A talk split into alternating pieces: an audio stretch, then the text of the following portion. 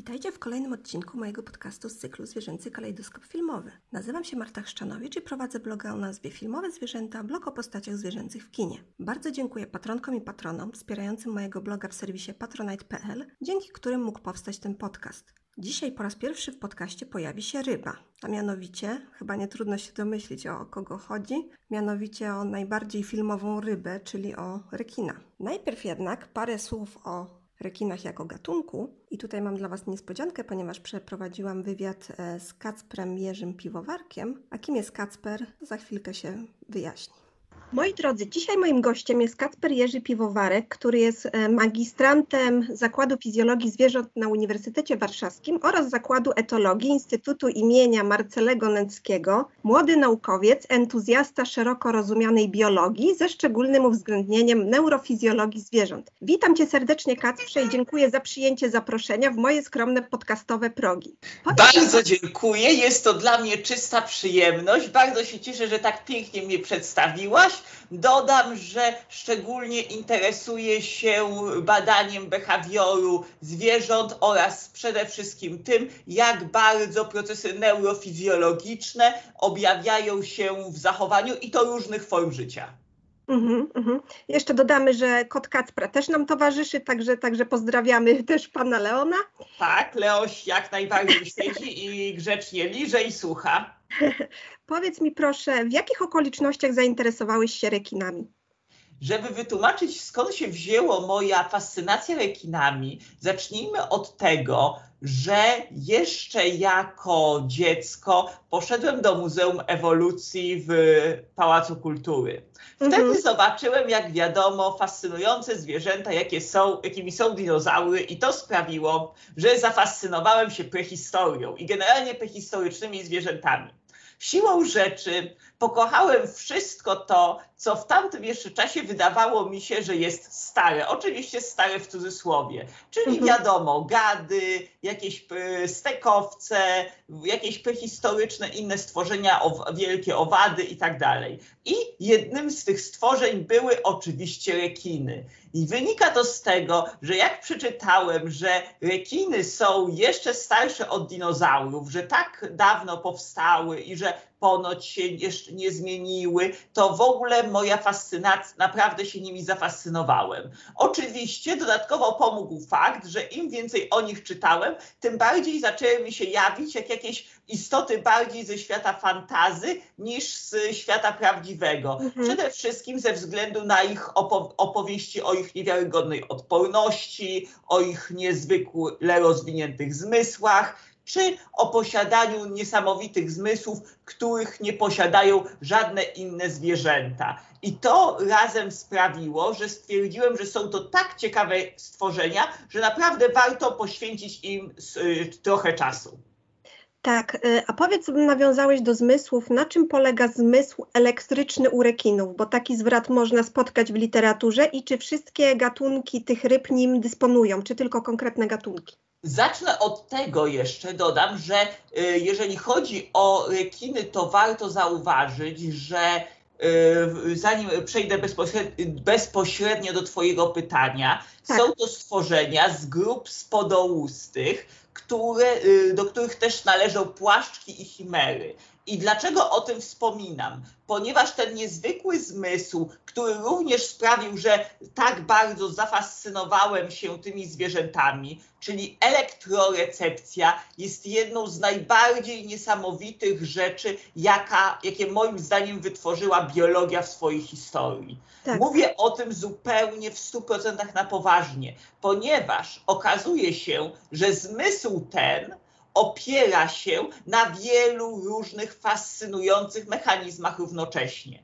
Bo zacznijmy od tego, że zmysł elektryczny może być zarówno czynny, jak i bierny. Czyli mhm. albo organizm aktywnie wytwarza własne, bardzo silne impulsy elektryczne, trochę na zasadzie echolokacji, które rozchodzą się w przestrzeni i odbiera zmiany oporności, albo bierny. I w przypadku, tak jak w przypadku czynnego, liczy się przede wszystkim siła, jaką y, organizm wytwarza te impulsy elektryczne, tak w przypadku zmysłu pasywnego liczy się niewiarygodna czułość urządzenia, czy w tym wypadku układu, który z tego korzysta. I w przypadku rekinów, y, czy w ogóle spodoustych, występuje zarówno ten pierwszy, jak i ten drugi mechanizm. Mhm. I dodam, że te dwa mechanizmy są o tyle ciekawe, że jeden występuje tylko u rekinów, a dokładniej rzecz biorąc ryb chrzęstnych, a drugi zaś jest homologiczny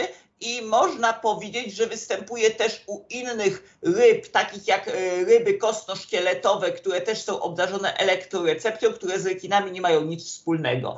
Mhm. I, co, I co jest ciekawe, zmysł, który jest uniwersalny elektryczny jest homologiczny ze zmysłem słuchu, bo okazuje się, że te same kanały, które odpowiadają za wyczuwanie zmian elektrycznych w środowisku, są bardzo podobne do tych kanałów, które w naszych ciałach odpowiadają do wykrywania dźwięków, wibracji, czy też położenia i równowagi i one oparte są na oscylacjach jonów wapniowych oraz na oscylacjach jonów potasowych. Natomiast ten zmysł, który jest uniwersalny dla ryb chrzęstno-szkieletowych spodoustych, w tym właśnie rekinów, jest oparty na tak zwanych ampułkach Lorentziego.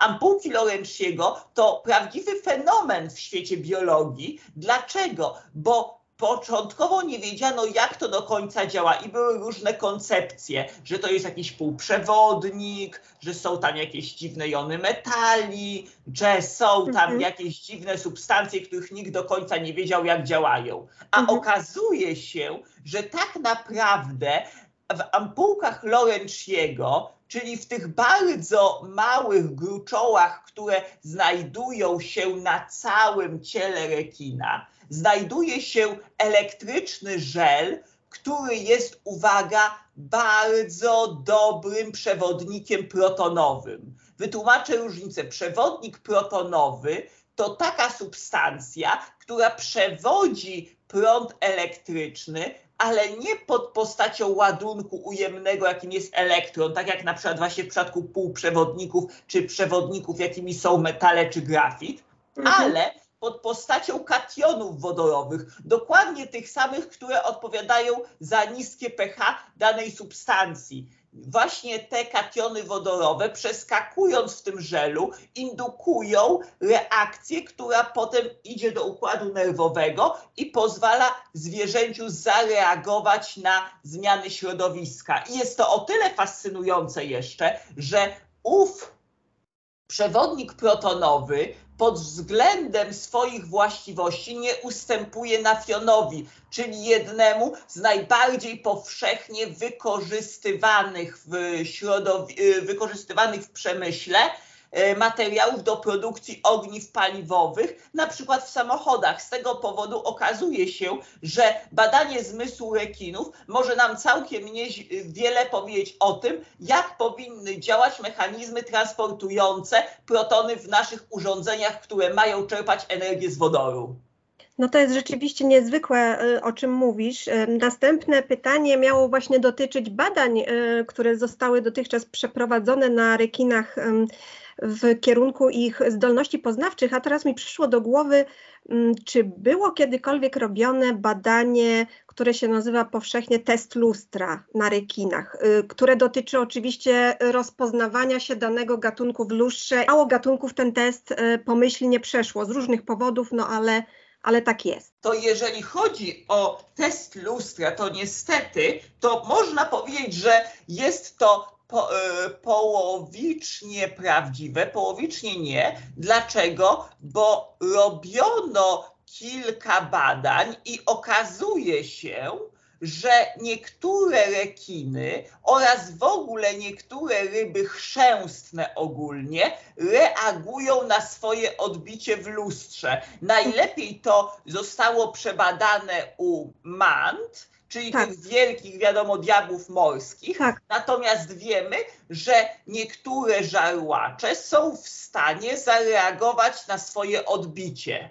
okazuje się, że rzeczywiście były badania i okazuje się, że kiedy zobaczą swoje odbicie, reagują w zupełnie inny sposób niż gdy zobaczą odbicie innego osobnika. Jest sugestia, że tego typu zdolność do rozpoznawania siebie u zwierząt mhm. no, y, żyjących w wodzie może wynikać z tego, że cały czas mają do czynienia z powierzchnią, czy nawet cały czas żyją w powierzchni odbijającej światło. A tak. z tego powodu mają częściej możliwość widzenia siebie, więc zdolność do percepcji samych siebie mogła być ewolucyjnie faworyzowana. Coś, co w przypadku zwierząt żyjących na lądzie nie musiało być użyteczne, bo poza wyjątkami, ewenementami raczej nie miały e, takimi jak chociażby tafla wody w czasie, kiedy piją wodę, nie tak. było, e, nie miały kontaktu. Natomiast ryby żyjąc w środowisku, w którym odbija, są najłatwiej im ten mechanizm wytworzyć, więc odpowiedź jest twierdząca tak, były badania i okazuje się, że spodouste, bo też dodam bardzo ważna rzecz, że kiedy mówimy tak naprawdę rekiny, bo to też wiele osób zapomina, jest to bardzo ogólne stwierdzenie. Tak naprawdę trudno powiedzieć, jest jaki, jakie są rekiny, bo to jest trochę na tej zasadzie, jakby zapytać, jakie są stekowce, albo mhm. jakie są torbacze czy łożyskowce. Tak. Jest to tak naprawdę olbrzymia grupa systematyczna, w obrębie której jest masa zwierząt i które mają bardzo bogatą ewolucyjną historię. I przez to zawsze, kiedy mówimy o rekinach, to zazwyczaj ludzie stereotypowo myślą o żarłaczach. Tak, tak. Bo to tak, jest tak, też tak. kluczowe, że kiedy mhm. mówimy, ale tak naprawdę rekinami tak naprawdę są też płaszcz, y, płaszczki, jak i chimery. Więc kiedy zastanawiamy się nad tym, okazuje się, że ta kwestia jest znacznie bardziej skomplikowana. Tak. Powiedz, e, jeżeli chodzi o zdolności jeszcze poznawcze, tak. że jeżeli chodzi o rekiny, to jest nawet Yy, był przez wiele lat raczej pod, podchodzono do nich z przymrużeniem oka, z tej prostej przyczyny, że ich mózgi są niewiarygodnie małe. Mhm. Jak wiadomo, rekiny, jeżeli popatrzy się na ich mózg i porówna na przykład z mózgiem delfina, to nawet jest y, w jednym z japońskich muzeów na zasadzie porównania tej różnicy obok siebie mózg rekina i mózg delfina, żeby pokazać, jak bardzo się od siebie różnią. I kiedy mózg delfina jest w zasadzie olbrzymi, złożony, po, pomarszczony jak mózg człowieka, tak, tak, mózg rekina to wygląda jak e, kuleczka e, z, e, z oczami tak naprawdę. W, w, zasadzie wydaje się to niepozorny, wydaje się, że tam nic nie ma, ale dokładniejsze badania pokazały, że wbrew powszechnemu wyobrażeniu rekiny mają jak najbardziej złoż bardzo złożoną sieć y, poznawczą, potrafią tworzyć bardzo złożone sieci społeczne, potrafią naśladować zachowania innych osobników, potrafią y, dobrowolnie dzielić się terytorium w taki sposób, aby minimalizować ryzyko walki więc oznacza to, że potrafią pasować i unikać zbędnego zagrożenia, mhm. potrafią generalnie się uczyć y, na własnych doświadczeniach, ale też na doświadczeniach cudzych. Więc okazuje się, że stworzenia te, mimo pozornie tak małego mózgu, wykazują się olbrzymim potencjałem, bo to jest bardzo ważne, że często mu, y, mówi się y, o tak zwanym gadzim mózgu, co jest bzdurą, dlatego, tak. bo tak naprawdę podział na trzy części mózgu, czyli część zajmującą się, powiedzmy, tą część wegetatywną, y, część analizującą środowisko zewnętrzne i część decyzyjną, mhm. występuje tak naprawdę u wszystkich zwierząt, bo nawet już u owadów, ten, y, bez, czyli u bezkręgowców widać ten model, tylko wiadomo, te mózgi są, mają trochę inne proporcje tych elementów, mhm. ale wszystkie mają. I na przykład w przypadku rekinów, które trzeba pamiętać o jednej kluczowej y, rzeczy, są to zwierzęta o szkielecie chrzęstnym, co oznacza, że ich gospodarka wapniowa, ale i osmoregulacja i masa innych mechanizmów, którą mamy my,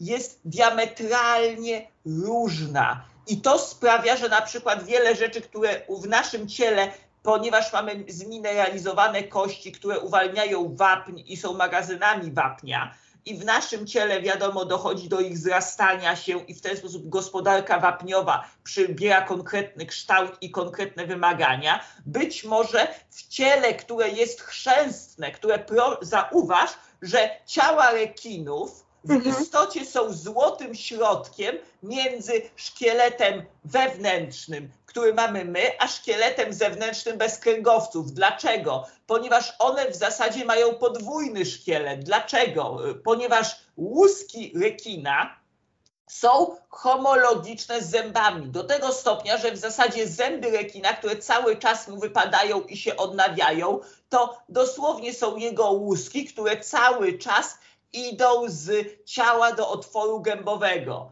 I jest to o tyle ważne, że oznacza to, że rekin posiadając dwa, jakby dwa względnie elastyczne szkielety, bardzo opływowe i między nimi swoje ciało, posiada bardzo odmienny metabolizm i dosyć inną gospodarkę energetyczną niż my. Na przykład wystarczy podać kluczowa, kluczową różnicę, że ponieważ nie posiadają pęcherza pławnego, muszą sobie w inny sposób radzić z utrzymywaniem, wiadomo, równowagi w wodzie, żeby nie opadać i nie tonąć i przez to muszą radzić sobie w inny sposób. W dodatku też mają e, inne mechanizmy radzenia sobie z osmoregulacją i to zarówno na poziomie skrzel, bo ich skrzela działają w inny sposób niż kostno-szkieletowych ryb, jak również wydalania, ponieważ zamiast pęcherza pławnego mają bardzo dużą ilość e, oleju w wątrobie. Z kolei, mhm. jeżeli chodzi o osmoregulację, to ich ciało buforuje, ponieważ związki amonowe i metabolity utrzymują się w ich ciele i to sprawia, że generalnie radzą sobie z równowagą osmotyczną względem środowiska. I po raz kolejny to sprawia, że skoro w ich ciele cały czas są duże ilości związków amonowych, które inne stworzenia dosłownie by zabiły, bardzo możliwe, że ich metabolizm i ich poziom przetwarzania informacji zachodzi zupełnie inaczej. Dodatkowo jeszcze pamiętajmy, że ich super silny zmysł elektryczny, który jest w miarę autonomiczny, sprawia, że tak naprawdę on też może pełnić rolę swojego rodzaju układu nerwowego. A jeżeli ten cały system z ampułkami Lorentziego uznamy za swojego rodzaju mózg trochę na skórze, trochę tak jak u, ośmiorni, y, u ośmiornic czy innych głowonogów, to nagle mhm. okazuje się, że znaczna część ciała rekina jest jego układem nerwowym. Więc znowu okazuje się, że jest wiele rzeczy, których po prostu nie braliśmy pod uwagę, tak. ponieważ zakładaliśmy, że skoro mają tak małe struktury, to prawdopodobnie y, są takie jak my. A wiedza o tym, że ich y, radzenie sobie z metabolitami, z oddychaniem, i wypornością i tak dalej jest inna, sprawia, że jest to coś zupełnie innego. To też jest powód, dla którego, bo to też zapomniałem wspomnieć, zainteresowałem się rekinami, ich chrzęstne szkielety. Sprawiają one, że są swojego rodzaju, podobnie trochę jak się myśli o głowonogach, alternatywnym życiem. Czymś w tym sensie alternatywnym względem chociażby kręgowców i pokazują, jak inaczej mógłby się rozwinąć mechanizm właśnie, na którym rusztowania ciała, gdyby ewolucja poszła w innym kierunku. Mhm. I wracając do tego, o czym y, mówiłaś, jeżeli chodzi o badania zdolności poznawczych, to szczególnie bardzo y, polecam pana Ericha Rittera, który jest, bym powiedział, takim James Goodall w, spod, w spodniach, czyli męskim y, specjalistą w dziedzinie rekinów. Mhm. On właśnie zajmuje się bardzo często badaniem tego, w jaki sposób rekiny reagują na ludzi, jak czy rekiny są zagrożeniem dla człowieka, w jaki sposób się uczą, jakie tworzą grupy społeczne, bo na przykład wiemy o tym, że wiele rekinów potrafi budować olbrzymie ławice i olbrzymie, powiedzmy, gangi, które potrafią być bardzo kosmopolityczne i tak naprawdę łączyć się, rozdzielać i jednocześnie utrzymywać pamięć o sobie przez lata. Do tego stopnia, że nawet niektóre y, rekinie grupy, nawet mimo zginięcia dużej ilości członków, cały czas potrafią aktywnie ze sobą współpracować i wchodzić w interakcje. A to sprawia, że na pewno nie możemy o tych stworzeniach myśleć jak o czymś prymitywnym. W dodatku też warto o tym wspomnieć, że niektóre rekiny, bo to też jest e, kluczowe, rozwinęły mechanizm, który oparty jest, e, tak jak na przykład takie żarłacze cytrynowe,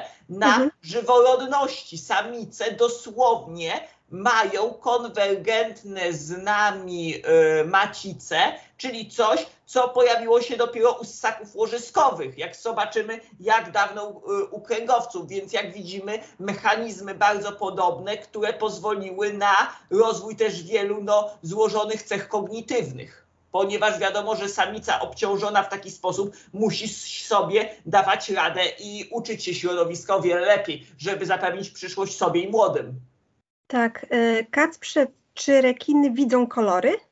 Jeżeli chodzi o widzenie kolorów, to nawet powiem, że w jednym z wywiadów e, za, e, żar, zażartował sobie właśnie Erich Ritter, o którym wspominałem, że jeżeli chodzi o najśmieszniejszą e, rzecz, jeżeli chodzi o, kto usłyszał o rekinach, to to, że albo źle widzą, albo widzą tylko w czerni i bieli. Dlaczego? Bo jeżeli chodzi o rekiny, jest to o tyle ciekawe, że po raz kolejny zauważam, że jest to bardzo szeroka grupa zwierząt, więc tak jak mówię, to tak jakby powiedzieć o łożyskowcach. Tak. I dosłownie y, można powiedzieć, że występuje całe multum fotoreceptorów i czułości, która pozwala y, widzieć. Są takie, które nie widzą, są takie, które widzą, więc jest to generalnie o wiele bardziej skomplikowana kwestia. Natomiast wszystkie definitywnie mają bardzo, do, y, mają bardzo ostre zmysły. Jeżeli chodzi o zmysły, to rzeczywiście trzeba przyznać, że są to niezwykle zmysłowe stworzenia, bo praktycznie jeżeli chodzi o ostrość wzroku, to mają niewyobrażalnie dobrą. Mhm. I to wszystkie. Zarówno te, które są potencjalnymi drapieżcami i są na, prawie na szczycie łańcucha pokarmowego, jak i te, które są ofiarami i te, które się muszą ukrywać. Zarówno jednak i drugie są wyposażone w cały system zmysłów od powonienia przez właśnie zmysł elektryczny, w, w, wrażliwość na wibracje, słuch i oczywiście wzrok. Mhm. E, odnośnie ssaków często pojawiają się szkodliwe dla nich stereotypy, przykład mit o złym wilku czy przekonanie, że osły są uparte. Czy w odniesieniu do rekinów zdarza Ci się słyszeć coś, co całkowicie mija się z prawdą i z naszą dotychczasową wiedzą na temat tych ryb? Powiedziałbym, nawet rekiny są modelowym przykładem tego, że to są akurat najbardziej zmitologizowane stworzenia ze wszystkich. Powiem mhm. od razu, że nie ma chyba bardziej zmitologizowanych stworzeń, bo nawet wilki nie są tak zmitologizowane jak rekiny. Ponieważ w zasadzie, tak jak wiele stworzeń ma jakąś tam drugą postać, jest pokazywana w jakiś inny sposób, tak rekiny niemal zawsze są pokazywane po prostu jako bezmyślne maszyny do zabijania. Tak. W zasadzie rekiny bardzo trudno znaleźć na inną historię o rekinie niż o rekinie, który jest ludojadem, jest, zachowuje się jak y, socjopatyczny seryjny morderca. Tak naprawdę nie ma nic ciekawszego do roboty, jak tylko ganiać ludzi, ich zabijać, nawet ich nie zjadać, tylko po prostu ich gonić, bo ma tak, bo miał złe dzieciństwo. I powiem od razu, że ten wyobrażenie sobie, że te rekiny po prostu siedzą, śledzą tego człowieka, że chcą go natychmiast zabić, że to jest ich jedyny cel, ten, to przerażenie, że jak tylko zaraz rekin przypłynie, to natychmiast chce zjeść człowieka i tak dalej, też jest, no, powiedziałbym, skrajnym stereotypem i jest skrajnym przejawem lęku wobec tych stworzeń które tak naprawdę nawet za bardzo w ludziach nie gustują. I to też jest ważna rzecz, że my nie jesteśmy dla nich jakimś specjalnym, naturalnym pokarmem. I w zasadzie, jak ktoś ma się bać, to bardziej rekiny nas niż my, yy, yy, bardziej rekiny nas niż my ich, zwa, zważywszy na to, że jeżeli chodzi o ilość poławiania rekinów dla różnych, nie wiem, cennych artefaktów, w różnych szamańskich rytuałach, tak. różnej tradycji, różnej medycyny, to w zasadzie rekiny są, na rekiny się poluje masowo, dodatkowo poluje się na nie często w ramach rekreacji, sportu i tak dalej, a często tak naprawdę są to stworzenia, które są takie jak każde inne, w sensie oczywiście, czy są osobniki agresywne, terytorialne, oczywiście, że są, czy są osobniki lękliwe, które ze strachu zaatakują, jasna sprawa, polega na tym, że w przypadku rekinów urosło to do swojego rodzaju takiego wręcz monomitu, w sensie, gdy myślimy o rekinie, myślimy natychmiast o jakimś niebezpiecznym potworze, który natychmiast musi nas zjeść, a wiele rekinów podpływa z prozaicznego powodu, jest po prostu ciekawa. Dla tak. nich ludzie są też czymś dziwnym, są czymś, czego nie do końca rozumieją. Też trzeba pamiętać, że na przykład bardzo na nie działają wiele różnego rodzaju urządzeń, które wy, wytwarzają bardzo silne dźwięki, czy no z racji tego, że są to urządzenia elektroniczne, to wytwarzają bardzo dziwne oscylacje elektryczne, więc sobie proszę wyobraź sobie, że dla rekina wiele naszych zabawek, które używamy na co dzień, to jest coś takiego, jakbyśmy nagle zobaczyli jakiś niesamowity kolor, coś, jakiś dziwny kolor, którego nigdy nie widzieliśmy, który wywołuje w nas jakieś takie dziwne reakcje, bo jest czymś, czego nie potrafimy za bardzo pojąć. I bardzo często takie z rekinami. Rekiny atakują wiele rzeczy, ponieważ są dla nich czymś obcym. Albo mylą je z rybami, które na przykład jakimiś fokami, na które polują, albo dosłownie są zwyczajnie zaciekawione i próbują to trącać nosem, bo nie wiedzą, co to jest. Tak, Dodam tak. też, że niestety inną sprawą jest to, że dużo ludzi no, wchodzi na tereny na przykład rekinów i na przykład może być tak, że rekin zabija nie dlatego, że jest głodny, ale na przykład dlatego, że chroni swojego terytorium i uznaje człowieka zwyczajnie za wroga na swoim terytorium i próbuje go po prostu przegonić, a jeżeli człowiek się nie da, bo też takie sytuacje są, to może zabić, bo może na przykład odgryźć kawałek ciała, żeby postraszyć. Pamiętajmy, że rekiny posiadają też bardzo wysoką odporność na ból i generalnie są to stworzenia, które y, są znane z tego, że jeżeli coś się dzieje, to potrafią walczyć bardzo długo. Te oczywiście mówi, mówimy o, cały czas o żarłaczach, tak. bo inne rekiny, tak jak na przykład rekinek psi, to siedzą sobie spokojnie w, pod skałami i nic by nam nie zrobiły. Mhm, nie mówiąc mhm. już o takim rekinie rogatku, który do tego stopnia może być przy, yy, przyjazny, że do niektórych ludzi nawet potrafi zaprzyjaźniony podpływać i się zainteresować ludźmi w ogóle bez żadnej agresji.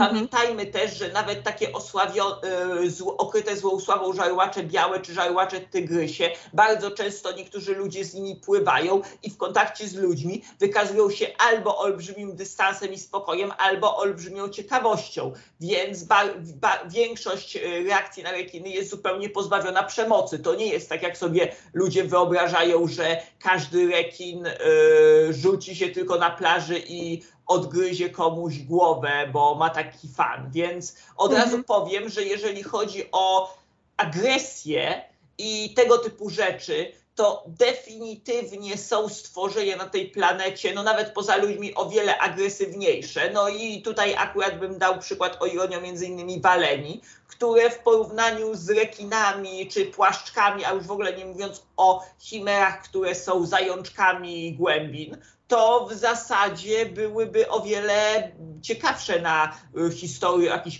przerażających stworzeniach, które bawią się ze swoimi ofiarami niż rekiny. Mm -hmm, u których to jest zwykle albo y, próba zaciekawienia i powiedzmy nieporozumienie, albo obrona swojego terenu. Tak, tak, tak. Ja dzisiaj nawet oglądałam filmik bodajże na Facebooku, na którym było widać właśnie plaże, pływające osoby, no i komunikat pada, tak? Widzimy tą sławetną, złowrogą w cudzysłowie płetwę, która pływa tam między tymi ludźmi. No i pada komunikat, żeby ludzie wyszli z wody. Oczywiście tam ludzie w większości wychodzą, nie wszyscy. Tak jak mówisz, niektórzy, niektórzy tam zaciekawieni stają i próbują tego rekina obejrzeć. Natomiast rekin zaczyna krążyć wokół jednej kobiety, która najdalej odpłynęła i jakby nie zauważyła, nie usłyszała chyba tego komunikatu.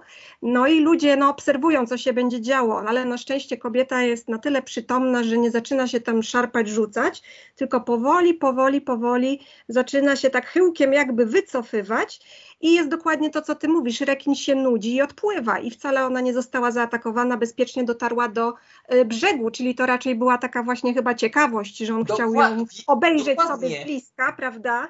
Bardzo E, dużo rekinów podpływa jak delfiny. Po prostu Tak. to, że różnica jest taka, że kiedy delfiny podpływają, to y, się cieszymy, ludzie chcą wchodzić, przytulać się. Tak. Od razu powiem, że akurat tutaj, tak jak de, tu jest, ja się śmieję, że tak jak y, delfi, y, rekiny są zdemonizowane, tak z kolei delfiny są, bym powiedział, zbyt gloryfikowane. Dlatego, że od razu powiem, że kiedy na przykład słyszymy rekin, to od razu uciekamy, natomiast często jak słyszą ludzie delfin, delfin, to od razu się cieszą, a jeżeli weźmiemy y, weźmiemy przykład tego, jak potrafią być agresywne, młode, sfrustrowane samce delfinów, to są o wiele większym zagrożeniem, o ironio, dla pływaków niż rekin. Tak, poza tym y, u delfinów też jest zjawisko gwałtów, prawda? Oczywiście. Co, co, co też jest, no, y, co też jakby ludzie często o tym zapominają albo nie wiedzą po prostu. Albo nie wiedzą, że od y, razu powiem, dlaczego wspomniałem, że rekiny, y, jeżeli chodzi o żarłacze, tak jak żarłacze białe, no one nie są do końca na szczycie łańcucha pokarmowego, bowiem na szczycie łańcucha pokarmowego są definitywnie walenie. Mhm. I trzeba od razu powiedzieć, że jednym z największych wrogów i największych strachów dla rekinów są właśnie zarówno delfiny, ale przede wszystkim orki. Tak. Orki do tego stopnia są niebezpieczne, że na przykład bardzo często polują na rekiny w taki sposób, że dosłownie wgryzają im się i wygryzają ich wątrobę i rekin z, wydartą wątrobą opada na dno i umiera. Mhm. Dodam też, że tak naprawdę wbrew pozorom o wiele większym zagrożeniem dla ludzi są orki. I Tak. o wiele częściej dzika orka jest w stanie człowiekowi zrobić kuku niż rekin. Mhm. A pamiętajmy, że nie bez kozery mamy filmy Uwolnić orkę, Uwolnić orkę 2 Tak. i Uwolnić orkę 3. Tak. A, które, a trzeba pamiętać, że orki są, jeżeli chodzi o skłonność do sadyzmu, do bawienia się ofiarą, do różnego rodzaju mniej bądź bardziej pasywno-agresywnych zachowań, to wbrew pozorom y, potrzeba wyładowania agresji występuje o wiele częściej u dojrzewających samców waleni niż u rekinów. Mhm, mhm, mhm. I częściej na przykład u, to właśnie nie u rekinów, ale właśnie u orek czy u delfinów występuje na przykład sytuacja, w której osobnik, który na przykład stracił swoją pozycję społeczną, jest sfrustrowany i jest w stanie wyładowywać się na innych zwierzętach tylko dlatego, bo mu nie wyszło. Mhm, mhm, Podczas mhm. kiedy u rekinów takie rzeczy nie, nie występują. I Tak. rekiny przez większość czasu są bardzo spokojne. Nawet wystarczy obejrzeć wiele filmów płetwonurków, którzy tak naprawdę pływają z żarłaczami yy, ty- tygrysimi i nic się nie dzieje. Mhm, Tak naprawdę, jeżeli byśmy wzięli pod uwagę ilość y, rzeczy, jaka się dzieje, z ogó- nie, rek, już trudno powiedzieć, mówię oczywiście o żarłaczach, bo gdy powiedzieć o rekinach, to w ogóle tak naprawdę nie ma zagrożenia, bo większość rekinów to są tak naprawdę małe istotki wielkości naszej ręki, więc które co najwyżej mogą nas ugryźć, ale na bardziej na zasadzie małego psa, więc niż e, jakiej, jakiegoś porządnego zagrożenia. Więc Tak. to trzeba pamiętać, że też, tak jak wspomniałem na początku, co y, myślimy, gdy mówimy rekin. I Tak. na przykład, gdy właśnie wspominamy o tym, jak te stworzenia są źle postrzegane, tak jak taka groza, że tam podpłyniesz, to właśnie ja cały czas podkreślam, w momencie, kiedy słyszymy uwaga rekin i wszyscy ludzie często wylatują z przerażeniem albo coś, tak na delfiny reagują wprost przeciwnie, mimo że są to stworzenia, które mogą być równie fascynujące spotkanie, może być z jednym i z drugim, jak i przerażające. Mhm, tak. Czy masz swój ulubiony gatunek rekinów? A oczywiście, że mam. I powiem od razu, wszyscy to myślą o jakichś żarłaczach tygrysich, o jakichś żarłaczach białych, rekinach młotach właśnie, czy innych jakichś na przykład prehistorycznych, megalodonach, czy tych wszystkich rekinach, które na przykład, których pyszki wyglądały jak piły łańcuchowe, czy tego typu stworzeń, ale o, czy jakieś bicze, czy jakiś ko, y, kosogon, czyli rekin z bardzo długą o, y, płetwą tylną, której używa jako bata, ale nie. Powiem od razu, że moim ulubionym rekinem jest stworzenie, które moim zdaniem budzi moją olbrzymią fascynację. Pierwszy raz usłyszałem o nim oglądając program Davi Sir Davida Attenborough na mhm. temat, y, paradoksalnie nie był to program o stricte rekinach, ale o florze i y, faunie Indonezji i y, Australii. I tak. mowa tu o, o stworzeniu, które nazywa się rekin epoletowy. Mhm. Rekiny epoletowe są to fascynujące stworzenia, które... I piękne też dodajmy, prawda? Są przepiękne, w sensie rekiny epoletowe, stąd ich nazwa, ponieważ one tuż nad swoimi płetwami mają takie bardzo duże, czarne plamy w białej obwódce, które są bardzo charakterystyczne i wyglądają jak epolety, stąd nazwa. Tak. E, ich nazwa łacińska to jest Hemiscyllum ocelantium, dlatego że też pod e, wieloma względami przypomina trochę, jeżeli chodzi o, e, o barwę ciała ocelota, stąd nazwa. Mhm. I jeżeli on żyje, jak już wcześniej wspomniałem, występuje w w, w, Indonezji oraz w Australii, w tej części można powiedzieć y, między Oceanem Indyjskim a na tym archipelagu między Oceanem Indyjskim a Pacyfikiem. Można go mhm. właśnie też spotkać y, w górnej części Australii. I o, dlaczego ja go tak uwielbiam? Ponieważ jest to jedyny tak naprawdę znany, oficjalnie opisany lądorekin. Jak wiemy, rekiny, mimo że wytworzyły olbrzymią różnorodność i są dowody, że mogą już od ordowiku istnieć, chociaż wbrew tym stereotypom uległy znacznym zmianom od tamtego momentu. Natomiast wiemy, że ryby chrzęstne już na samym początku się wydzieliły. To mhm. jednak, jak łatwo zauważyć, są to stworzenia, które nigdy nie wyszły na ląd i teraz właśnie okazuje się, że ten niesamowity rekinek, należący do rzędu dywanokształtnych, rozwinął mechanizm poruszania się w warunkach, w których, uwaga, bardzo często występują odpływy, mhm. do poruszania się po lądzie. Pod wieloma względami jest konwergentny takim stworzeniom, jakimi były prapłazy, taka jak Ichtiostega czy Tiktalik. Dlaczego? Dosłownie, gdy patrzy się na niego, widzi się te prehistoryczne prapłazy, które te, te prehistoryczne tetrapody, które pokazywane są w muzeach. Chociażby właśnie w Muzeum Ewolucji w Pałacu mhm. Kultury.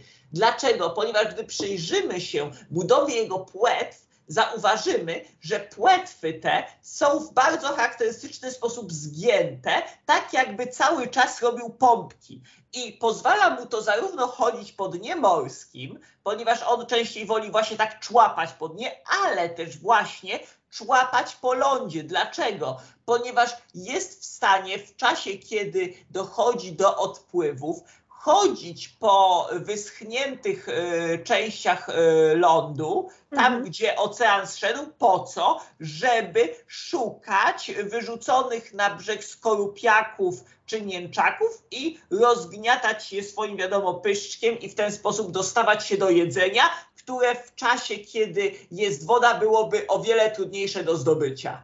I właśnie to jest niesamowite też, że on potrafi poruszać się właśnie na tych platformach rafowych odciętych od oceanów w trakcie yy, odpływu. W dodatku też, to jest bardzo ważne, jest stworzeniem z super rozwiniętym mechanizmem yy, radzenia sobie z hipoksją, czyli mówiąc krótko, bardzo dobrze radzi sobie z niedotlenieniem. W dodatku też jak wiemy, nasze płuca rozwinęły się z pęcherza pławnego. Rekiny nie mają pęcherza pławnego. Muszą więc wymyśleć alternatywny mechanizm. I okazuje się, że alternatywnym mechanizmem jest wykorzystanie zamiast konwencjonalnie skrzeli tryskawek. Dlaczego? Ponieważ wszystkie ryby, ryby chrzęstne, które nie, e, ma, e, niektóre, u niektórych ryb chrzęstnych występuje alternatywny mechanizm względem ruchomych pokryw skrzelowych, bo jak wiadomo rekiny, które nie mają ruchomych pokryw strzelowych muszą albo się poruszać, albo cały czas przemieszczać się w okolicach prądów morskich, aby być natlenione. Mhm. Natomiast przypadku wielu rekinów, w tym właśnie płaszczek, wykształciły się tak zwane tryskawki, czyli takie bardzo małe, pulsujące nad y, skrzelami, można powiedzieć, otworki, za pomocą których sztucznie y, sam organizm wytwarza przepływ i dzięki temu może sobie dotleniać skrzela. I okazuje się, że rozwinął, wykorzystując chociażby swoje też bardzo, posiadające bardzo silnie y, magazyny tlenu w swoich mięśniach szczególnie mięśniach grzbietowych, które pełnią, są bardzo silnie ukrwione i pełnią rolę, można powiedzieć, pseudopłuc u tego rekina, potrafi gromadzić duże ilości tlenu, zaś te tryskawki pomagają mu właśnie oddychać, kiedy jest no, wyrzucony na brzeg. I to jest niesamowite, jak on człapie, bo dosłownie, kiedy widzi się, jak on to robi, to ma się wrażenie, że jest to stworzenie, które dosłownie wyrwało się z jakie, jakiegoś karbonu czy dewonu. I mhm, od razu, jak się ja go widzę, to od razu sobie fantazjuję, co by było, gdyby pod wpływem właśnie globalnego ocieplenia, wiadomo, zmian klimatycznych, te rekiny za, y, zaczęły się rozwijać coraz lepiej i nagle pojawiłyby się nagle na świecie alternatywna linia zwierząt lądowych pod postacią ryb chrzęstnych. Bo tak jak wspomniałem, ryby chrzęstne mają równocześnie szkielet zewnętrzny z, ze swoich y, łuskozębów i szkielet wewnętrzny z chrzęstnego szkieletu, co sprawia, że mają po dwa podwójnie elastyczne szkielety między tkankami i mogłoby się okazać, że mimo, że zaszło to tak późno, to nagle mechanizm ten jest świetny. Póki co stworzenia te spadają ofiarą wielu zwierząt, chociażby ptaków drapieżnych, więc raczej yy, za bardzo jeszcze lądu nie mogą zdobywać, ale są niesamowite, jeżeli zdamy sobie sprawę, że są pierwszymi zdanymi chrzęstnymi stworzeniami, które w jakiś sposób prowadzą tryb życia w pewnym sensie podobny do płazów. Mhm. Czy jest e, jakaś jedna rzecz, która najbardziej Cię zaskoczyła w przypadku rekinów, kiedy studiowałeś ich życie, czytałeś, oglądałeś e, materiały na ich temat? E, jeżeli o mnie chodzi, to przede wszystkim miał wybrać jedną rzecz, która mnie zafascynowała, to przede wszystkim ich niewiarygodną wręcz różnorodność. Mhm. Różnorodność, która objawia się tym, że nie mamy jednego rekina. Mamy masę różnych rekinów o masie różnych adaptacji, które w, okazuje się, że potrafią radzić sobie na tysiące różnych sposobów, że są to stworzenia, u których rozwinęły się tak fascynujące mechanizmy radzenia sobie właśnie z niedotlenieniem, radzenia sobie z toksynami, radzenia sobie z chorobami, radzenia sobie z masą rzeczy, które, y, u których inne stworzenia radzą sobie z tym o wiele gorzej. I to jest jedna z rzeczy, która mnie przede wszystkim w nich zafascynowała, chociaż nie będę kłamał i tak to, że posiadają ten zaawansowany zmysł elektryczny oparty na przewodnikach protonowych, fascynuje mnie najbardziej, ponieważ mamy przed sobą istoty,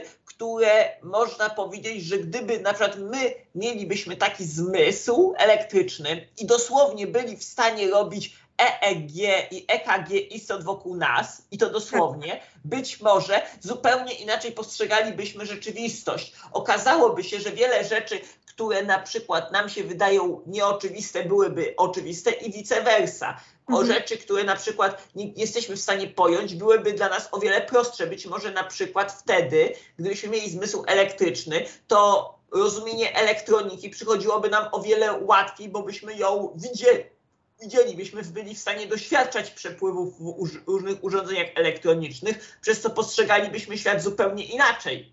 Mhm. Więc nie będę kłamał, obecność tego niesamowitego zmysłu, jak również fakt, jak to jest bogata, złożona grupa, która przez tak długi czas poradziła sobie i zajęła tak wiele fascynujących niż w, we wszystkich znanych nam oceanach yy, sprawia, że nie można wokół, wobec tych stworzeń przejść obojętnie. Jak pomyśli się właśnie o ich chrzestnym szkielecie, o tym, że są zbiorem tak wielu niesamowitych i niezwykłych cech, które jednocześnie je definitywnie różnią od innych stworzeń, o których głównie myślimy.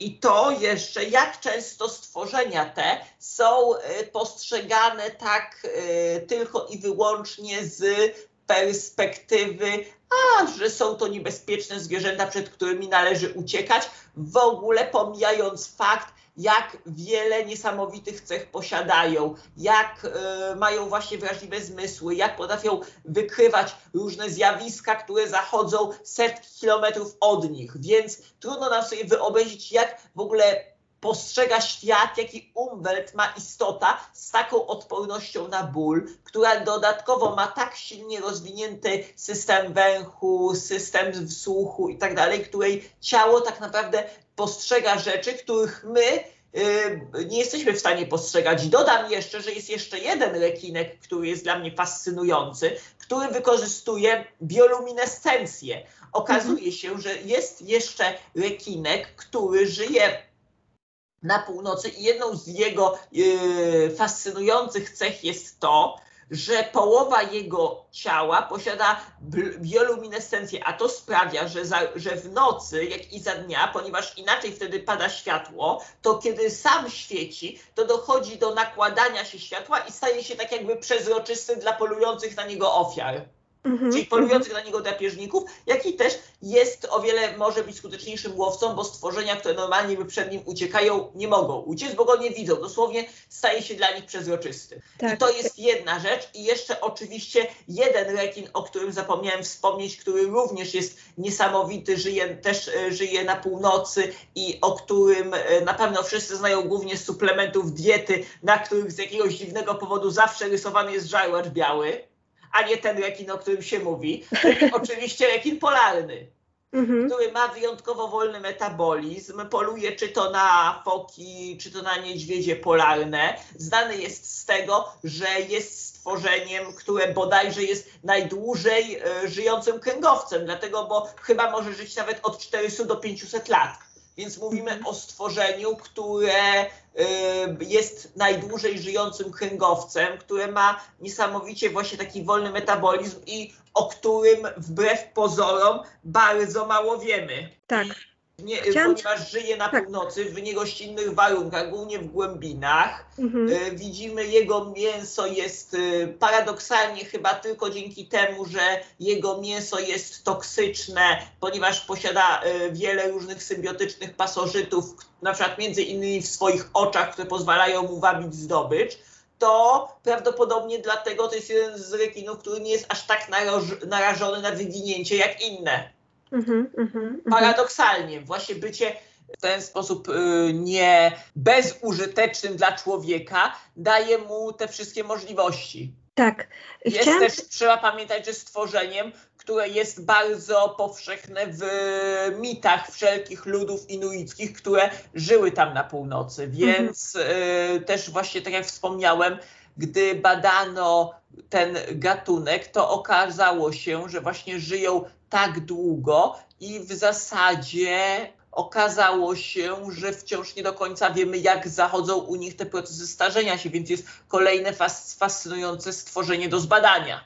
Tak, chciałam Cię zapytać jeszcze, już zbliżamy się do końca rozmowy, nad czym obecnie pracujesz? Czy, czy jakiś temat Cię ostatnio pochłonął dosłownie? Jeżeli chodzi o temat, który mnie pochłonął, to jest temat, który jest może nie do, czy jest częściowo w ogóle związany z formami życia i którym chcę się na pewno zająć w przyszłości, to jest właśnie zjawiska bioelektryczne, ponieważ jak właśnie wspomniałem wcześniej, na pewno występują one u rekinów, ale też zrozumienie bioelektryczności i zjawisk elektrycznych zachodzących w żywych organizmach, ponieważ jak wspomniałem wcześniej, rekiny dosłownie działają trochę jak wykrywacze metalu, ale biologiczne i mhm. organizmów żywych tak. to wiedząc o tym, jak te mechanizmy są czułe, dokładne i tak dalej, moglibyśmy lepiej to rozumiejąc, zrobić lepsze urządzenia, na przykład mikrodiagnostyczne, które pozwoliłyby nam lepiej badać, czy też wprost przeciwnie manipulować homeostazą wielu procesów fizjologicznych i w ten sposób dać tam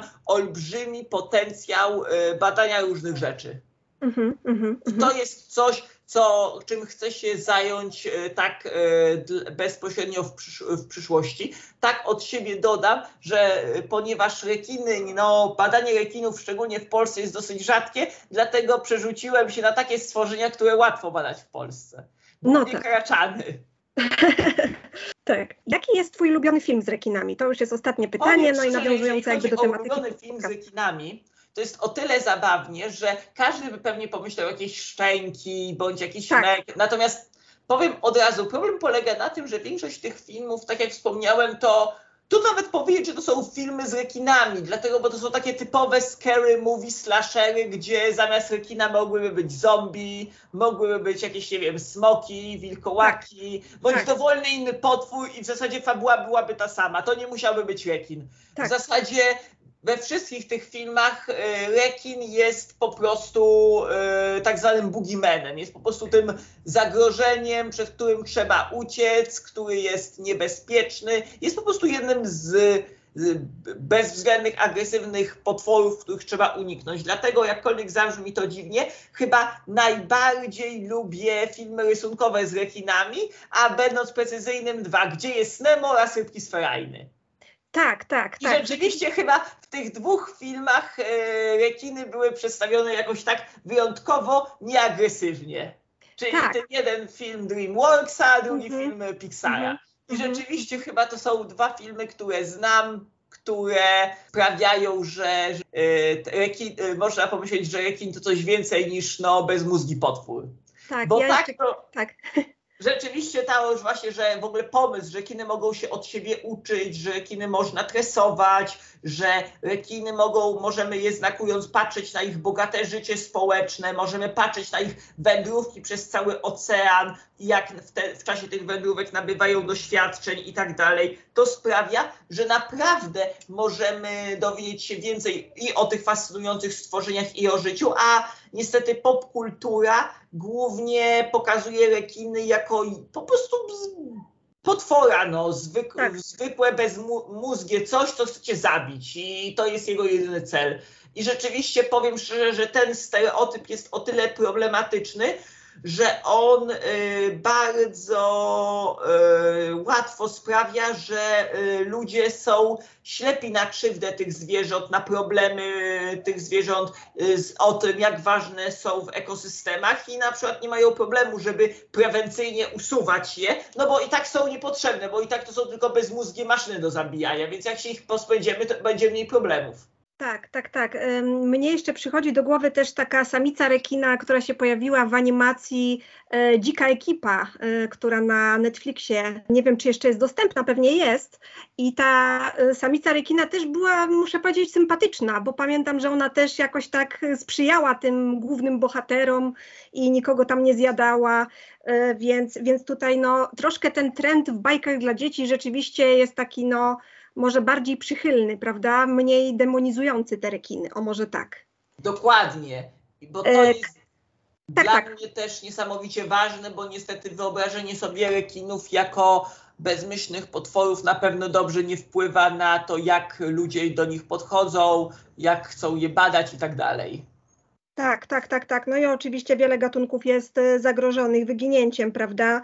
No e, niestety. Tak, tak. Szczególnie tak. żarłacze. Żarłacze są bardzo zagrożone. No więc właśnie. Zarówno przez zmiany środowiska też trzeba pamiętać, o czym my zapominamy, że my przez to, jak zniszczyliśmy i zdewastowaliśmy środowisko, globalne ocieplenie, zmiany zakwaszenia wód i y, tego typu od, olbrzymia ilość odpadów plastiku i wiele różnych rzeczy spowodowała, i to powinno nam dać do myślenia, że istoty, które radzą sobie od milionów lat, które generalnie istnieją na Ziemi jako chrzęstne, to nagle przestały sobie radzić, że nagle okazuje się, że stworzenia, które tyle katastrof było yy, za nimi się wydaje i im yy, nic nie zrobiły, okazuje się, że nagle ludzie stworzyli warunki, w których one nie mogą sobie dać rady. I to jest taka, tak. moim zdaniem, powinna być dla nas refleksja, co to znaczy. Tak, tak. Co tak, to tak, znaczy, że jedyne stworzenia, które, ja się tak trochę pół żartem, pół serio powiem, które, którym nie przeszkadzamy, to są karaczany. To moim zdaniem powinna być dla ludzi taka refleksja, że jeżeli tylko karaczanom nie szkodzimy, no to coś jest z nami nie tak. I tą puentą e, będziemy zmierzać do końca. E, Kacprze, ogromnie Ci dziękuję za naszą rozmowę i wzbogacenie odcinka tyloma niezwykłymi informacjami ze świata rekinów. Masz naprawdę encyklopedyczną wiedzę i muszę powiedzieć, że ten, e, ta rozmowa nasza przypomniała mi czasy naszego studiowania na antropozoologii, gdzie można powiedzieć kolokwialnie wymiatałeś na zajęciach swoją wiedzą i, i, i to, że tak powiem, dalej, dalej, dalej tą cechę posiadasz. Bardzo jeszcze raz Ci dziękuję. Pozdrawiam Cię serdecznie i do usłyszenia. Do usłyszenia. Rekin w kinie. Rekin należy do tych gatunków zwierząt, które są postrzegane i co za tym idzie, portretowane w filmie w mocno stereotypowy i przewidywalny sposób. I tak z góry możemy założyć, że filmy z udziałem tej, nie da się ukryć, przerażającej ryby będą zawierać sceny jej ataków na inne zwierzęta, głównie w filmach przyrodniczych lub na ludzi. Drugi z wymienionych przypadków to oczywiście kino, które możemy zaliczyć do nurtu Animal Attack. Rzadko są to wysoko notowane filmy, najczęściej z kiepską lub średnią grą aktorską. Tradycyjnie skupiam się jednak na zwierzętach. W ostatnich latach pojawiła się jednak ciekawa alternatywa dla agresywnego, morderczego wizerunku rekina, którego wizytówką jest żarłacz biały, zwany jakże pieszczotliwie ludojadem. Zwróćcie uwagę, jakie znaczenie dla odbioru zwierzęcia ma etykietka nadana mocno na wyrost, Wszak rocznie moskity zabijają znacznie więcej ludzi niż rekiny. Alternatywą tą jest film animowany dla dzieci, który przedstawia sympatyczne i mocno złagodzone, chociaż nie pozbawione charakterystycznych atrybutów fizycznych rekiny. Rekin w polskim kinie. Rekin w polskim kinie to rzadkość. Udało mi się natrafić na film, który mogłabym równie dobrze zaliczyć do działu rekinie motywy filmowe, a mianowicie Młode rekiny. Jest to serial dokumentalny zrealizowany w latach 2004-2005, w którym tytułowe młode rekiny to młode wilczki, kolejna metafora na wchodzących w życie przedsiębiorców, uczniów i studentów, żądnych sukcesu i nie wahających się po niego sięgnąć. W tym celu zakładają oni własne firmy, a kamera towarzyszy ich poczynaniom przez rok, sprawdzając, jak poradziły sobie owe młode rekiny biznesu. Fraza rekin biznesu zakłada drapieżcze, agresywne, bezwzględne podejście do interesów i oznacza kogoś, kto nie cofnie się przed niczym, by osiągnąć swój cel. Czy jednak każdy młody człowiek jest w stanie sprostać temu wizerunkowi? Warto się przekonać. Pora na top 10 filmów z rekinami o rekinach. Blue Water, White Death, reżyseria James Lipscomb, Peter Gimbel, USA 1971. Peter Gimbel i zespół fotografów wyruszył na wyprawę, by znaleźć i sfilmować pierwszy raz wielkiego białego rekina. Podczas trwającej 9 miesięcy ekspedycji podróżnicy przebyli drogę od Durbanu, południowej Afryki, przez Ocean Indyjski i w końcu aż południowej Australii. Według recenzji Ayana Jaina, zamieszczonej 10 sierpnia 2007 roku na stronie internetowej DVD Talk, film ten był jednym z pierwszych filmów dokumentalnych skupiających się na rekinach, w szczególności żarłaczu białym i podobno wywarł on duży wpływ na tematykę szczęk Spielberga. Ekspedytorom nie udało się zlokalizować żarłacza białego do sierpnia 1969 roku, w związku z czym przywódca Peter, e, przywódca wyprawy Peter Gimbel e, zawiesił rejs do stycznia 70. To właśnie wtedy udali się na niebezpieczną rafę u wybrzeża Australii Południowej, gdzie ponoć niedawno widziano żarłacze białe. Jak podano w tym dokumencie, łacińska nazwa żarłacza białego to Carcharodon carchar. Wiele podwodnych scen w tym dokumencie zostało nakręconych przy użyciu klatek odpornych na rekiny, opracowanych przez Petera Gimbela. Na stronie internetowej e, Stana Watermana napisano o tym filmie Rekiny, beznamiętni zabójcy atakują wszystko, a przede wszystkim żarłacz biały. Wczesną wiosną 1969 roku grupa nurków, trzech mężczyzn i kobieta, rozpoczęła liczącą 20 tysięcy kilometrów Odyseję, zdecydowana zastrzelić żarłacza białego. Nie z harpunami czy kuszami, ale z kamerami. Podążali za statkami wielorybniczymi na Oceanie Indyjskim, spodziewając się, że świeża ofiara wywabi wielkiego białego z głębin. Ich jedyną ochroną są delikatne aluminiowe klatki. Polowania rozciągnęły, rozciągały się od Afryki po Australię, od wiosny do lata. Zaobserwowano i sfotografowano tysiące rekinów. Każdy okazał się drapieżnikiem, ale żarłacz biały nie stawił im czoła aż do Dangerous Reef u wybrzeża Australii Południowej. Oto historia tego polowania i wreszcie niesamowitego spotkania człowieka z najbardziej śmiercionośnym i zapierającym dech w piersiach stworzeniem morskim, najpiękniejszą maszyną e, do jedzenia na świecie wielkim białym rekinem. Szczęki, czyli jaws, Reżyseria Steven Spielberg, USA, 1975. Dum, dum, dum, dum, dum, dum, dum, dum. To chyba najsłynniejszy motyw muzyczny zwiastujący pojawienie się na ekranie czarnego charakteru. W tym przypadku padło na rekina. Steven Spielberg był drugim wyborem, jeśli chodzi o reżyserię tego filmu. Pierwszy reżyser, Dick Richard, został zwolniony po spotkaniu z producentami i dyrektorami studia, na którym to powiedział, że w pierwszym ujęciu kamera wynurzy się z wody i pokaże miasto, a następnie z wody wyłoni się wieloryb zamiast Producenci powiedzieli, że nie kręcą Moby Dicka i nie będą pracować z kimś, kto nie widzi różnicy pomiędzy wielorybem a rekinem. Co ciekawe, Spielberg powiedział, że kiedy po raz pierwszy przeczytał powieść, kibicował rekinowi, ponieważ ludzkie postacie były tak niesympatyczne. Postać rekina o imieniu Bruce została nazwana na cześć prawnika Spielberga. Drugie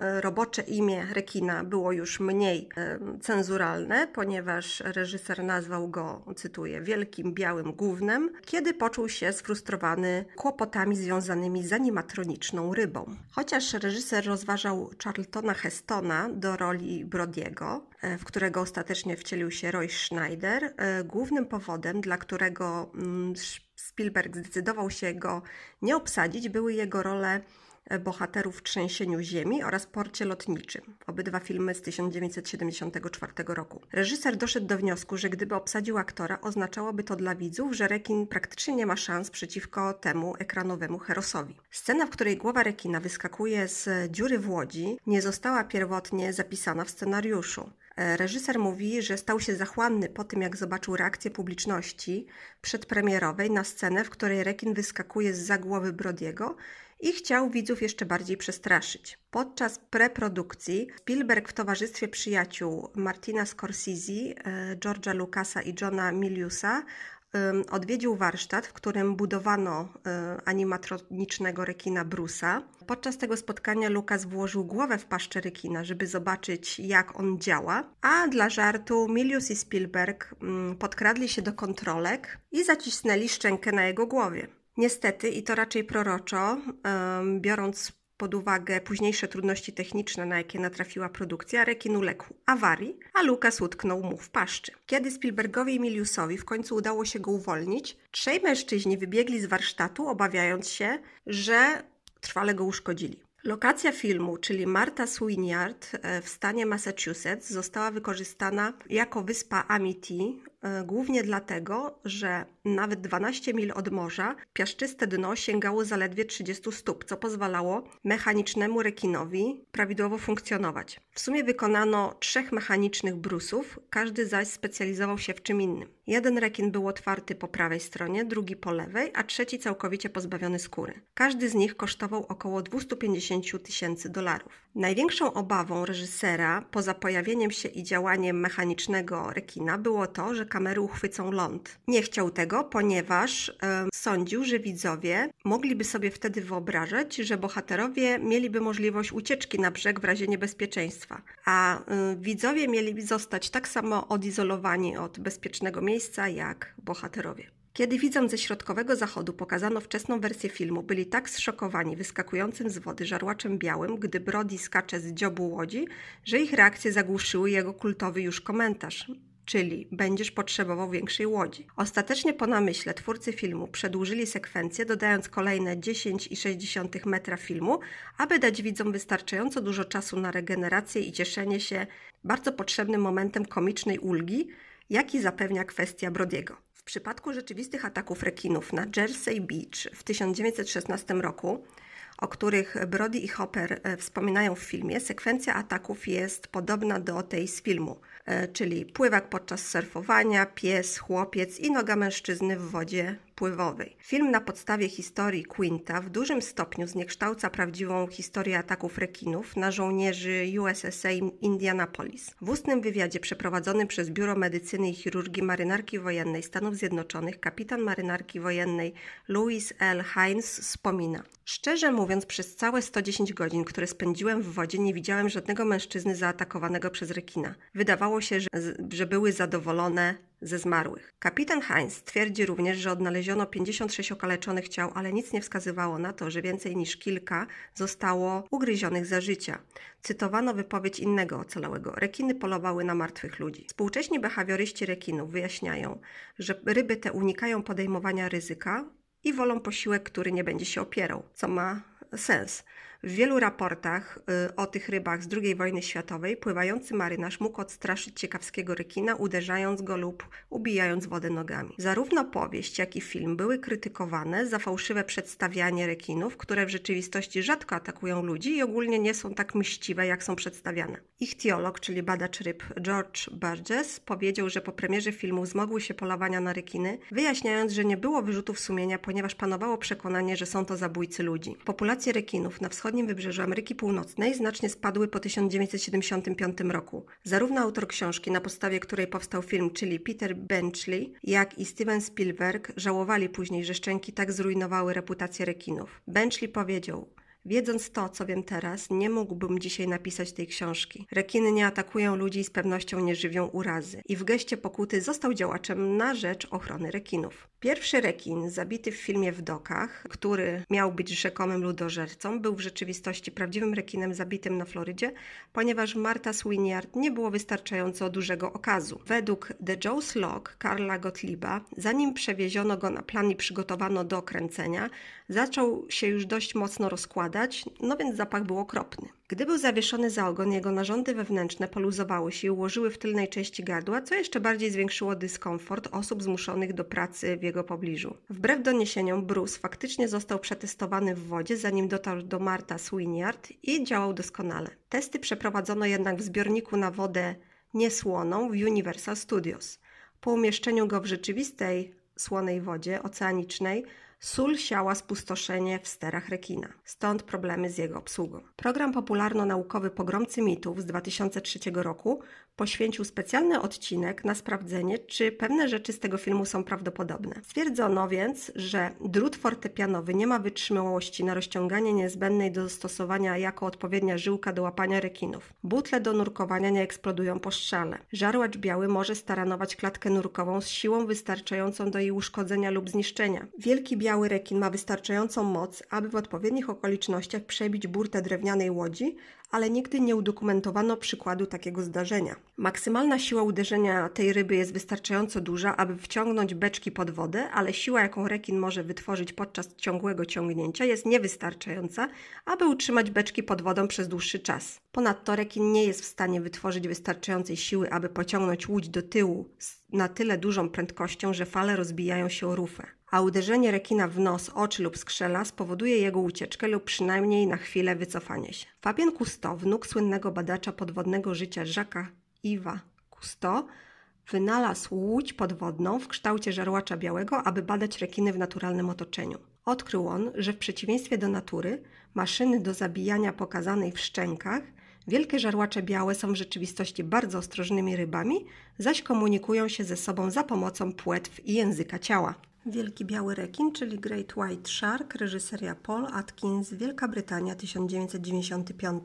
W opisie filmu na stronie IMDb czytamy: Nie ma bardziej bezlitosnego i przebiegłego myśliwego niż żarłacz biały. Jest uważany za jednego z najniebezpieczniejszych i krwiożerczych drapieżników światowej fauny. Niewiele jest szczęśliwców, którzy przeżyli po ataku dużego białego rekina. A oto opis z filmu Webu dla porównania: bezwzględny i przebiegły podwodny myśliwy. Wielki biały rekin atakuje, nie pozostawiając przy życiu niemal żadnej ofiary. Widzimy więc, jak same opisy kreują w głowach widzów nastawienie do tych ryb. Warto jednak zapoznać się z tym filmem dokumentalnym, poświęconym najbardziej przerażającemu spośród wszystkich rekinów. Gdzie jest Nemo, czyli Finding Nemo, reżyseria Andrew Stanton, Lee Unkrich, e, USA, Australia 2003. Rekin pojawiający się w Gdzie jest Nemo otrzymał imię Bruce, rzekomo w hołdzie złożonym pseudonimowi mechanicznego rekina ze szczęk. Jest to film animowany produkcji Pixara i Walt Disney Pictures, który został wyprodukowany za pomocą grafiki i animacji komputerowej i otrzymał Oscara za najlepszy film animowany 2003 roku. E, jego kontynuacją jest e, Gdzie jest Dory z 2016 roku. Gdzie jest Nemo opowiada o porwaniu małej rybki czyli tytułowego bohatera. Jego tata Marlin wyrusza na poszukiwania synka razem z Dory, która cierpi na zanik pamięci krótkotrwałej. Obie te ryby y, spotykają różne przygody, a Nemo trafia do akwarium, gdzie również y, no, nie ma łatwego życia. W filmie zobaczymy również rekiny o imionach Żarło, Tępy i Młot, które które co ciekawe, i tu jest wątek komediowy, próbują przejść na wegetarianizm, ale no jednak nie bardzo im się to udaje. Zwłaszcza żarłacz biały w filmie jest mocno przerysowany, chociaż z drugiej strony jest yy, praktycznie równie przerażający jak jego oryginał. Rybki sferajne, czyli Shark Tale, reżyseria by Bergeron, Vicky Jensen, USA 2004. Rybka o imieniu Oscar pracuje w myjni wielorybów, lecz marzy o wielkiej karierze. Jego najlepszą przyjaciółką jest inna rybka o imieniu Angie, a ich szef to rozdymka Sykes, który z kolei pracuje dla Dona Lino, żarłacza białego i przywódcy mafii rekinów, składającej się również z ryb pił, żaglic i ośmiornic i oni rządzą rafą. E, mafiozo mówi Sykesowi, że wkrótce jego synowie przejmą po nim pałeczkę i tutaj ewidentnie sytuacja nawiązuje do wątku z ojca chrzestnego, podczas gdy najstarszy syn e, mafioza Franki jest typowym rekinem, jego młodszy syn Lenny jest wegetarianinem, no i przynosi swojej rodzinie wstyd. Po tym jak Sykes mówi, że Lenny nie nadaje się do rządzenia rafą, zdenerwowany Don Lino żąda od niego haraczu za bezpieczeństwo myjni. I w związku z tym e, Sykes mówi z kolei Oscarowi, że ten ma u niego długi, a co za tym idzie u Don Lino, no i e, twierdzi, że jeżeli ich nie spłaci, no to oczywiście spotka go coś złego. A Don Lino próbuje z Lenego zrobić e, prawdziwego rekina, no i prosi drugiego syna, żeby go tego nauczył. Pierwszą ofiarą Lenego ma być e, Oscar, natomiast Leny nie chce go zabijać i udaje tylko, że go zjada. Kiedy Franki się o tym dowiaduje, jest oczywiście wściekły ale przypadkowo ginie. No i przez przypadek y, Oscar zostaje nazwany pogromcą rekinów i zdobywa sławę. No ale oczywiście naraża się tym y, Don Lino, który obwinia go za śmierć syna y, i zniknięcie Lenego, który się przestraszył i uciekł. Co ciekawe, Oscar i Leny się zaprzyjaźniają i znowu tutaj mamy wątek nietypowego rekina. Oryginalny tytuł filmu brzmiał Shark Slayer, ale około rok przed premierą zmieniono go na Shark Tale, czyli dosłownie opowieść o rekinach, ponieważ Jeffrey Uznał, że tytuł może odstraszyć rodziny, a w sumie to do dzieci jest ten film skierowany.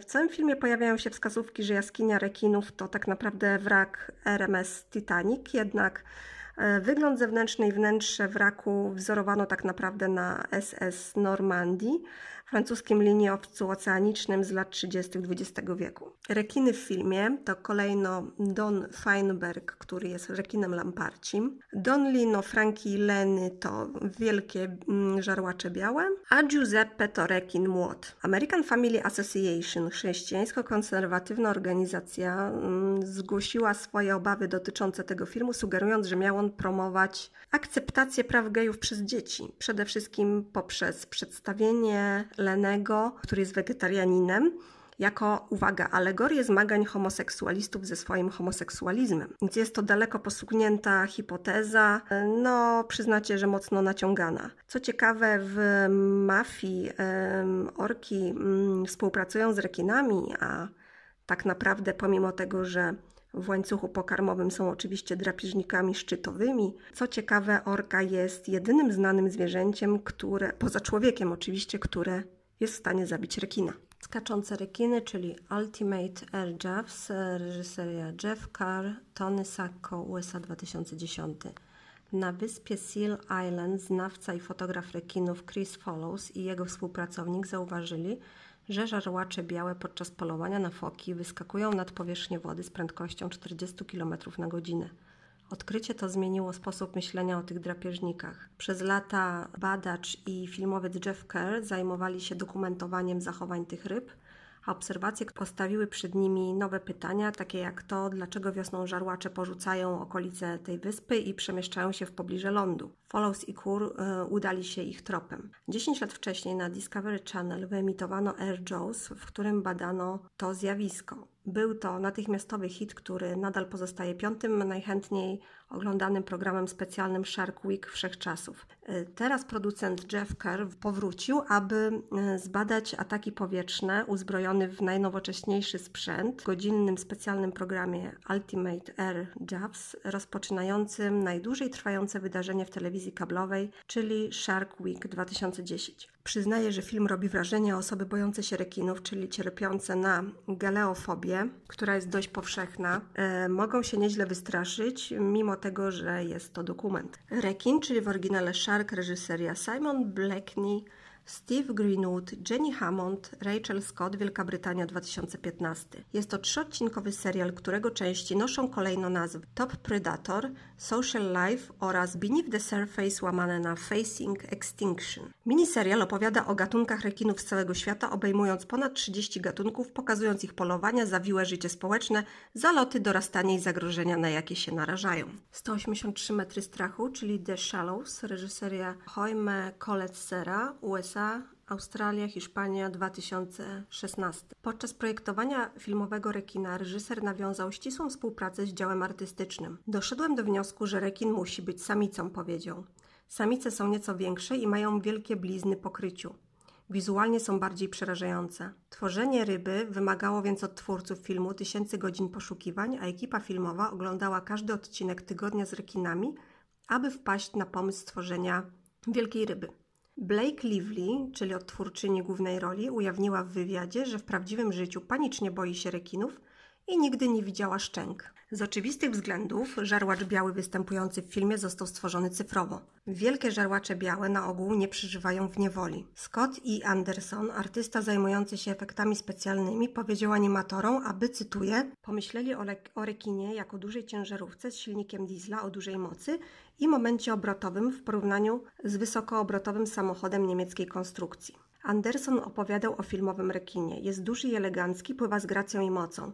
Wykorzystujemy tę masę, gdy atakuje boje lub uderza w cokolwiek innego. Za pracę nad cyfrowym rekinem odpowiedzialna była w większości szwedzka firma specjalizująca się w cyfrowych rekinach o nazwie e, Ważni Patrzący Piraci po angielsku Important Looking Pirates, w skrócie ELP. Zasłynęli oni przełomowymi symulacjami rekinów i wody w filmie Wyprawa Kontiki z 2012.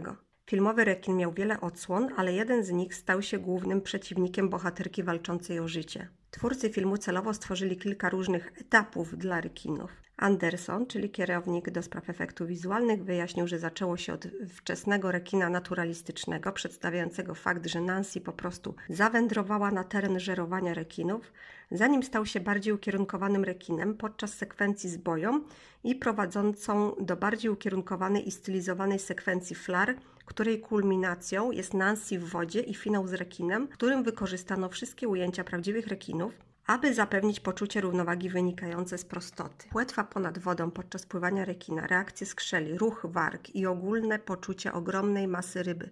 Wszystko to było odzwierciedleniem rzeczywistości, ale było kontrolowane przez animatorów podążających za pragnieniami reżysera w każdej scenie. Ekipa efektów wizualnych zapewniła również nieco inny wygląd rekina ponad wodą i w wodzie. Anderson stwierdził, że podwodny wygląd rekina miał szczególnie estetykę, która była naprawdę zainspirowana przez reżysera. Zaczęliśmy z bardzo realistycznym wyglądem i działaniami zaczerpniętymi z dużej ilości materiałów referencyjnych o rekinach, które wpłynęły zarówno na rozwój wyglądu, jak i rozwój postaci w ILP. Na czym polegała ta różnica? Pod wodą mieliśmy tendencję do utrzymywania rekina nieco bardziej błyszczącego niż w zbiorowym materiale filmowym. Balansowaliśmy również wyglądem ryby pomiędzy widocznością a naturalistycznym wtapianiem się rekina w otoczenie. Większość zwierząt, w tym rekiny, została zaprojektowana tak, aby wtopić się w otoczenie. Naszym zadaniem jest wykorzystanie selektywności widoczności w celu zaspokojenia potrzeb i skierowania oczu publiczności tam, gdzie tego chcemy. Podwodna pułapka, czyli po angielsku 47 meters, reżyseria Johannes Roberts, Ernest Riera, Wielka Brytania, USA, Dominikana 2017. Jest wiele filmów o rekinach. Podwodna pułapka ukazuje je standardowo w nieco przesadny sposób czyli jako agresywniejsze zwierzęta niż to ma miejsce w rzeczywistości. Za rekiny CGI odpowiadał, odpowiadała firma Outpost y, VFX, y, która współpracowała z reżyserem, aby zachować jak najwięcej klasycznych aspektów zachowania rekinów, jednocześnie tworząc atmosferę grozy i paniki, jaka powinna mieć miejsce w horrorze. Jak powiedział nasz rodak Marcin Kolendo, starszy kierownik do spraw efektów wizualnych w Outpost, cytuję – Przyjrzeliśmy się, jak zachowują się szczęki, gdy rekin atakuje, co robią skrzela, gdy obraca się w gniewie, jak szybko porusza się ogon, aby napędzać masywne ciało, a następnie dodaliśmy te dodatkowe kilka procent, aby wyolbrzymić akcję, tworząc rekina, który jest nie tylko wiarygodny, ale także przerażający. Outpost musiał stworzyć wiarygodne symulacje wody na potrzeby scen z rekinami, gdy stworzenia przebijały powierzchnię i wyskakiwały ponad tafle lustra wody. Studio spędziło także dużo czasu na ustaleniu odpowiedniego wyglądu skóry rekina, zwłaszcza gdy ryby wynurzały się ponad wodę cytuję, błyszczące w słońcu, mokre, a jednocześnie gumowate i mocne. Zawsze można wiele zrobić na kompie, ale gdy shadery, czyli moduły cieniujące skóry CG są nieprawidłowe, nigdy nie będzie dobrze, nigdy nie będzie to dobrze wyglądać na ekranie, niezależnie od ilości pracy związanej z grafiką działu 2D, dodał Kolendo. Woda miała specyficzny mętny wygląd z dużą ilością małych cząstek unoszących się wokół i pewnymi promieniami objętościowymi wychodzącymi z powierzchni, więc umieszczenie rekina CG w tym środowisku byłoby znaniem, podkreśla Kolendo. Nasz dział 3D wykonał świetną robotę, tworząc realistyczny materiał przedstawiający rekiny. Każdego dnia oglądałem na ich ekranach mnóstwo materiałów referencyjnych od profesjonalnych filmów dokumentalnych w stylu Błękitnej Planety, po mnóstwo amatorskich materiałów, zwłaszcza dotyczących nurkowania w klatkach wśród rekinów. Klatkę dla rekinów i dziwik zbudowano na farmie w hrabstwie Kent. A trzeba przyznać, że motyw klatki jest tu kluczowy, bowiem dwie siostry, bohaterki filmu, właśnie w niej utkną pośród rekinów. Dzika ekipa, czyli Back to the Outback, reżyseria Harry Creeps, Claire Knight, Australia, USA 2021. O tym filmie wspominałam już przy okazji odcinków poświęconych wężom i koali, zaś w 24 minucie zobaczymy olbrzymią samicę żarłacza białego. Początkowo krąży ona wokół gniazda służącego uciekającym zwierzętom za tratwę ratunkową, by nagle wyłonić ogromną głowę tuż przed ich oczami. Szybko jednak atmosfera grozy ustępuje komizmowi. Oto na zębach pani rekinowej znajdują się wzorki w kwiatki, niczym ozdoby na paznokcie, które się do nich przykleja. Samica uspokaja przerażone zwierzęta, zwracając się do nich w te słowa. Oj, nie chciałam was przestraszyć, wszyscy tak na mnie reagują. To przez uśmiech, prawda? Wiecie, byłam na kursie aktorskim i warsztatach z pantomimy, ale nie czułam się sobą, czaicie? Pomyślałam, hej, przestań zmieniać się dla innych, po prostu bądź sobą, obliczem śmierci. Mówcie mi, Jacinta. Wyznaje ona zwierzętom, że jest tajną agentką, a na jej sygnał w mig pojawia się masa złowieszczych płetw. Samica pomaga bohaterom i jest bardzo przyjazna, zaprzeczając tym samym swojemu złowrogiemu wizerunkowi. Inne produkcje z udziałem rekinów. Szpieg, który mnie kochał, czyli po angielsku The Spy Who Loved Me, reżyseria Louis Gilbert, Wielka Brytania 1977. Fragment fabuły. Pentagon nakazuje Wayne'owi zniszczenie Atlantydy, ale Bond nalega, aby najpierw uratować Amasową. Konfrontuje się ze Strombergiem, a następnie go zabija, ale ponownie spotyka Szczęki, którego wrzuca do zbiornika z rekinami. Jednak, co ciekawe, Szczęki zabija rekina tygrysiego i ucieka. A oto kilka zakulisowych ciekawostek. Firma E.ON zapłaciła za budowę zbiornika na wodę mogącego pomieścić około 1 200 tysięcy galonów imperialnych, czyli 5 milionów 500 tysięcy litrów. Zbiornik z rekinami Stromberga sfilmowano na Bahamach i wykorzystano żywego rekina w basenie ze słoną wodą. Karmiąc rekina obłudną sekretarką, Stromberg puszcza utwór Air on the G-String Bacha, który zasłynął z towarzyszenia rozczarowanym postaciom w reklamach cygar Hamleta. Wyprawa Kontiki, czyli po angielsku Kontiki, reżyseria Joachim Röning, Espen Sandberg, Wielka Brytania, Norwegia, Dania, Niemcy, Szwecja, 2012. Tłem dla powstania filmu jest prawdziwa opowieść. Oto młody norweski etnograf Thor Heyerdahl zdecydował się na zorganizowanie wyprawy transoceanicznej, by udowodnić środowisku naukowemu, iż ludność zamieszkująca Polinezję pochodzi tak naprawdę z Ameryki Południowej. Wraz z Heyerdalem z Calao w Peru wyruszyło pięciu innych śmiałków. Podróż rozpoczęli 28 kwietnia 1947 roku, a zakończyli 7 sierpnia tego samego roku. Chociaż początkowo wydawało się, że cała wyprawa zakończy się wzdłuż wybrzeża Ameryki, ostatecznie tratwę poniósł prąd południowo-równikowy. Na marginesie warto dodać, że Heyerdahl opisał wyprawę w swojej książce zatytułowanej Wyprawa Kontiki, wydanej po raz pierwszy w 1948 roku. Była ona również tłumaczona na język polski. Za rekiny stworzone cyfrowo w filmie odpowiadali, jak już wspomniałam, ważni patrzący piraci, czyli Important Looking Pirates, w skrócie ILP. Szybko nauczyli się oni modelować i animować rekiny, oraz integrować je w wodzie i poza nią, a także tworzyć realistyczne symulacje wody. Było to przełomowe pierwsze doświadczenie tych animatorów z rekinami CGI. I rzeczywiście scena zabijania rekina, który wpadł na tratwę, jest bardzo realistyczna i wiarygodna. Motywy filmowe z rekinami. Szwedzkie wczasy, czyli Solskapsresan, reżyseria Lasse Oberg, Szwecja 1980 rok. W 59 minucie filmu w hotelowym basenie pojawia się złowieszcza płetwa.